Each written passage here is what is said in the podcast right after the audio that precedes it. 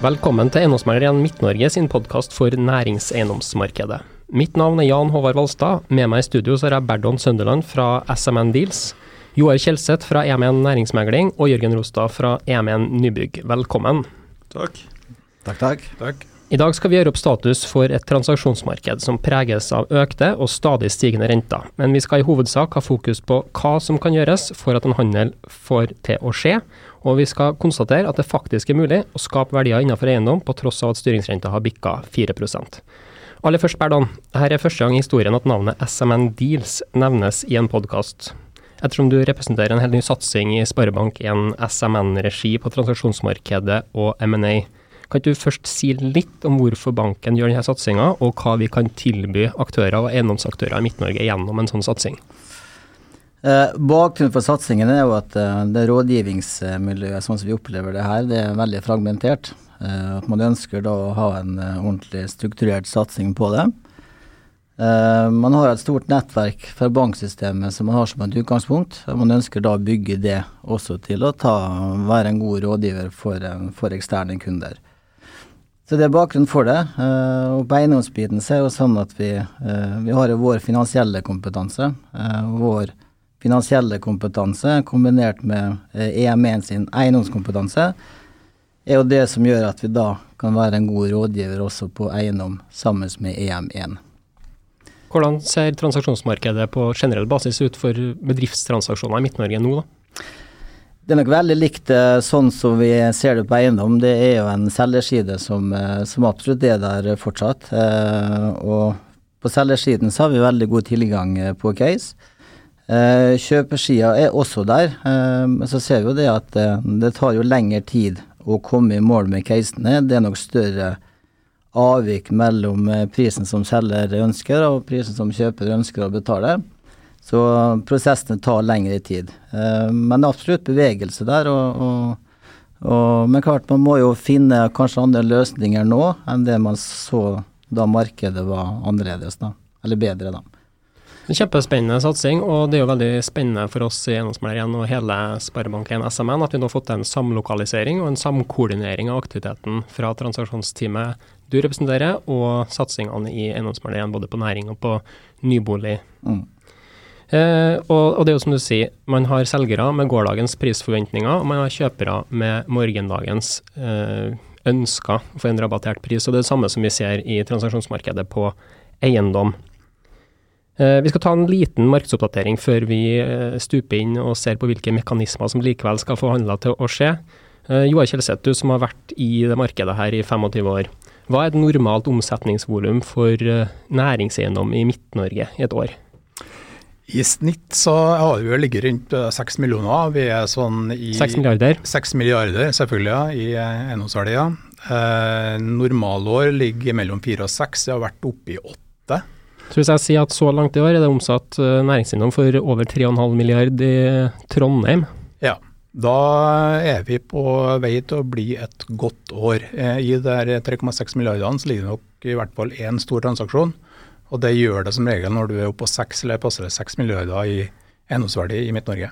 Mm. Og i, i Midt-Norge-kontekst så er det vel kanskje fem eiendommer inn i det tallet som er stor. Mm. Der har vi en kombinasjon av utviklingseiendom, men vi har også egentlig ganske rene yield case. Ja. Både på handel og på kontor.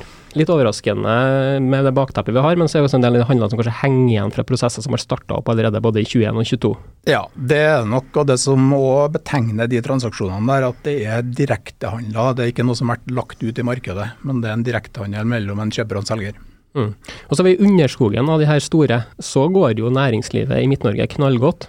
Vi har uh, høy sysselsetting, nesten ikke arbeidsledighet. Det er jakt etter folk, og da blir det også jakt etter lokaler. Mm.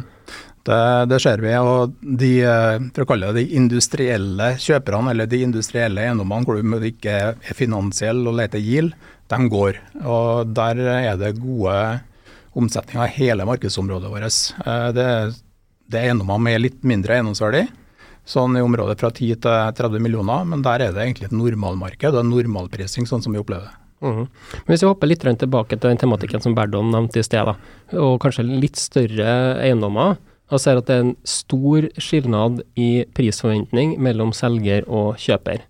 Hva er det vi kan kna på for å tilnærme oss et sånt case, for å sikre at en transaksjon går gjennom, at selger får henta ut kapital og kan investere det og fortsette videre? Mm. Det som har endra seg fram til i 2021 og kanskje litt inn i 2022, så hadde jo tradisjonelle tradisjonell auksjonering egentlig av eiendom med budrunder, budfrister og flere budgivere. Det har stoppa opp. Nå er det en litt annen måte å agere på. Nå er det mye mer direkte salg eller direkte kjøp. Altså hvor vi kommer i direkte kontakt med en kjøper eller en selger som da ønsker å avvende eller eh, kjøpe eiendom. Ehm, så da er det å få satt opp det eh, møtepunktet mellom de aktørene. Ehm, eiendomstransaksjoner er jo fundert på hva kjøper mener og tror om markedsmessige utsiktene, både hva gjelder leiepriser, finansieringskostnader, investeringsbehov, utviklingspotensial og Så gode, objektive analyser er en eh, større grad en forutsetning for å få lykkes med transaksjoner i dagens marked. Og Så må vi finne ut om det er en eiendom som er mest egnet for en finansiell eller en industriell kjøper, typisk. Jørgen, vi ser jo det samme her innenfor boligeiendom. Både på de boligutviklingscasene, men også på det som er ferdigstilt boligeiendom for utleie eller eventuell verdistigning. Mm. Absolutt. Og, og, det Joar sier i, i, forhold til å, å, å, være god på analyse og, å være skjerpa i forhold til hva det som faktisk kan tilføres av verdier på, på utviklingsdelen av en eiendom, da, blir jo mer og mer viktig. og Vi ser jo at etterspørselen etter sånn type tjenester fra oss eh, øker jo i, i, takt med usikkerheten som knyttes til finansieringskostnad, byggekostnad, hvor går taket hen på utsalgsprisene? Så, så, så, det gjør jo at vi, vi, må bli enda bedre og jobber jo hver eneste dag for å få så presise analyser så vi kan være en så god rådgiver som overhodet mulig, for å hjelpe eh, kjøperne og selgerne til, til, å finne en pris som er, er riktig i markedet, da, eh, til tross for at usikkerhetene eh, er der og, og henger over oss hver eneste dag. Det her er jo logisk, det gir jo mening. Du må få på plass mest mulig faktabasert riktig informasjon på bordet for at begge parter skal kunne ta en beslutning og forhåpentligvis se noenlunde samme bilde, og derfor kunne bli enige på pris. Mm. Men så er det ikke alltid sånn at man er rasjonell, eller at man tar inn over seg den samme type informasjon. Så hvis det er asymmetrisk informasjon man forholder seg til sitt eget verdensbilde, hva slags type mekanismer hvordan kan man da ta i bruk, f.eks. hvis man sitter på selgesida her, da for å likevel få gjennomført en handel, hvis det da enten er strengt nødvendig ut fra posisjonering og finansiering, eller sterkt ønskelig for å mm. eh, reinvestere i andre ting. Det er, bare, det, er et, det er, et, bilde vi ser veldig tydelig i dag, som jeg sa i stad. Det, det, er jo stort avvik ofte mellom, eh, mellom kjøper og selger. Eh, og det går ofte på forventninger om fremtidig utvikling, og kanskje i dag spesielt markedsforhold. da. Eh, da har man eh, modeller som earnout eller oppgjør med milepæler, liksom der man får en tilleggskjøpesum da, når visse hendelser inntrer. Eh, det er modeller vi ser i hvert fall veldig tydelig også i M&A-markedet i dag. Da. Så hvis du som selger har en tydelig oppfattelse av at det er en oppsideverdi her, men det er vanskelig å visualisere den for en kjøper, så kan du på et eller annet vis uh, sikre en mekanisme eller være med videre, sånn at du får tatt del i den oppsida og er villig til å være med på risiko i prosjektet videre. Ja, hvordan uh, gjenspeiler det her seg innenfor uh, boligbiten, Jørgen? Det er akkurat det samme, egentlig. Altså, vi, vi ser jo i, i, i, større og større grad at man enten har alternativer som, som, som, sier at selgeren er med på en eller annen eierandel gjennom prosessen, eller at man har såkalte delte oppgjør da, etter hvert som man får optimalisert eiendommen, som gjør at innstegsnivået for, for eiendomsutvikleren da, på, på kjøpstidspunktet blir, blir lettere å å svelge, og at man lettere da kan komme til en, til en enighet. Så, så, det er absolutt noe vi, vi kjenner oss igjen i. Ja, og Det er jo ikke noe nytt altså med tanke på hvordan man har priser og gjort oppgjørsform på utviklingseiendom. Så har det vært i læreboka over tid i år, men det er kanskje også kommet inn flere aspekter som man kan anvende også på en kontantstrømseiendom? Ja da, Som Berdalen og Jørgen sier her, så er det veldig vanlig både på virksomhetsoverdragelser og på utviklingseiendom, spesielt på boligeiendom. da. Det er klart det er litt mer utfordrende på en kontantstrømeiendom, men en kan jo se for seg mekanismer der som må utløse tilleggsbetaling på hendelser fram i tid. Eh, det kan f.eks. være at selger har at selger òg er leietager, eller har en relasjon mot en stor leietager, som da kan, han kan være med å påvirke, kan komme inn i eiendommen fram i tid, som da utløser en merverdi og en tilleggsbetaling på, på selgersida. Yes. Det var uh, kort innpå en del aspekter rundt det å håndtere en situasjon hvor selger og kjøpers prisforventning er veldig ulik. Men det er også andre utfordringer som vi ser i dagens marked. Og vi har jo mange eiendomskjøp som er gjennomført i perioden, spesielt fra 2021-2022. Og spesielt de som er tilrettelagt uh, som syndikater, som har basert seg på svært kort løpetid på, på lånene. og Derfor mange av dem sitter med finansiering som i løpet av kort tid må refinansieres. Så hører vi ryktene på gangen. Forretningsbanker første gang utenlandske og i Oslo-markedet nesten har stengt døren for nye næringseiendomslån. Um, hører at man uh, ikke får mer enn 35 belåning på, på, nye case, og for så vidt også på refinansiering. Mens vi ser en uh, foreløpig mye bedre situasjon på det i, i Trondheim, også gjennom ordbanken vår Sparebank1 SMN.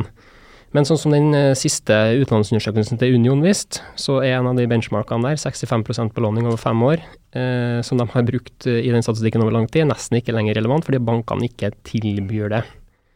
Hvordan skal man da løse en sånn case, for da er jo situasjonen her eh, for en del eh, handler at kjøper og selger egentlig har funnet hverandre på, på verdi, men eh, kjøper får rett og slett ikke tilgang på finansiering. Hva gjør vi da? Man kan jo bruke selgerkreditt, eh, der selger sier at eh, deler av oppgjøret kan, eh, kan, vi la ligge, gjøres opp på et senere tidspunkt. Det er en måte å gjøre det på. Så må man da avtale de kommersielle vilkårene i en sånn selgekreditt. Men det er en vanlig brukt modell dersom man mangler noe finansiering. Så er nok også banken i dag, vil jeg tro, eh, opptatt av eh, liksom det å være en god eiendomsutvikler, være en god eiendomsbesitter. Og kanskje bør man også da se på aksjonærstrukturen, muligens. Ta med sine industrielle eiere, eller eiere som er gode i den bransjen som, som eiendommen er i. Det kan også være med på kanskje å bidra til at banken er villig til å øke sin belåningsgrad. da. Mm.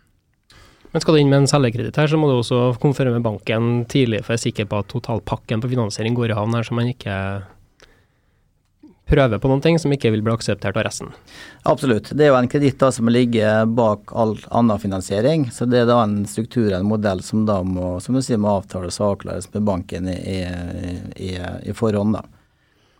Så har man også alternative marked som obligasjonsmarked og, og, den type ting, men det markedet ser vi i dag, det er, eh, det er, nok veldig veldig dyrt for det første, men også veldig veldig selektivt. da. Eh, så det er nok eh, en veldig dyr løsning hvis man går for den type kall toppfinansiering. da. Et annet alternativ som kan være et bidrag på et finansiering mot bank, det kan eventuelt være hvis selger da går inn og gir noen leiegarantier. Mm.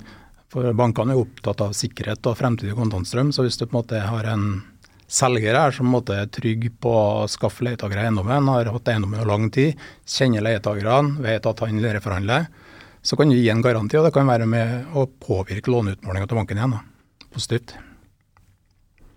Vi ser det samme på boligsida òg, Jørgen. Det, det, finnes jo aktører her som har uh, lyst til å gjøre store grep. Det er jo til og med aktører som da kanskje har tatt store grep uh, i den perioden vi har vært gjennom, som ser at det er utfordringen med de casene man sitter med nå. Mm. Men ettersom vi nå har den laveste igangsettinga i Trondheim uh, av nye boliger siden 2011, så har vi også en forventning om at det blir en relativt lav ferdigstilling inn i 2025 og 2026. Og en del aktører ønsker å posisjonere seg nå for å kjøpe portefølje av eiendom som kan være ferdigstilt i det tidspunktet og komme i markedet når vi er vel over en rentetopp, og etterspørselen etter nye boliger forventes å være god igjen. Mm, mm.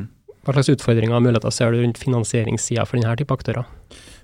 Ja, Det vi ser er jo at flere og flere eh, begynner å få øynene opp for det mulighetsrommet som, som dukker opp i, i, i, kjølvannet av eh, lav igangsetting i år og, og ut i neste år.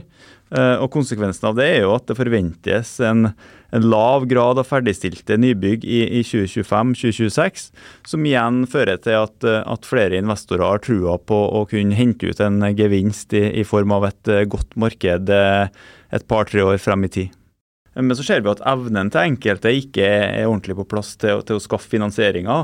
Og, og, det er jo fordi at bankene eh, strammer til kravene fra en sånn type kjøper. For hele nøkkelen her for utvikleren er jo å få solgt den eh, leilighetsblokka da, til den eh, investoren for å få i gang bygginga på prosjektet. og Det gjør jo at eh, bankene stiller strengere og strengere krav nå som, som, markedet utvikler seg som det gjør, til den kjøperen som, som skal kjøpe det. Eh, og da, da, ser vi jo litt imot det du sa i stad, Berdon, med at vi, vi, kan sette sammen ulike typer grupperinger, ulike typer eh, altså finansielle, solide aktører da, som, som, kanskje ikke har vært mye innenfor eiendom før, men som ønsker å eksponere seg litt mot den, eh, den delen av markedet, sammen med folk som, som kan og har jobba med, med, bolig. Så, så at, eh, jeg tror at man som en konsekvens av dette her vil, vil se at man man, man får litt ulike typer eller endringer i eierstrukturen i, i, i selskaper som, som driver, driver, med eiendomsinvestering, og spesielt, spesielt, oppkjøp av større porteføljer.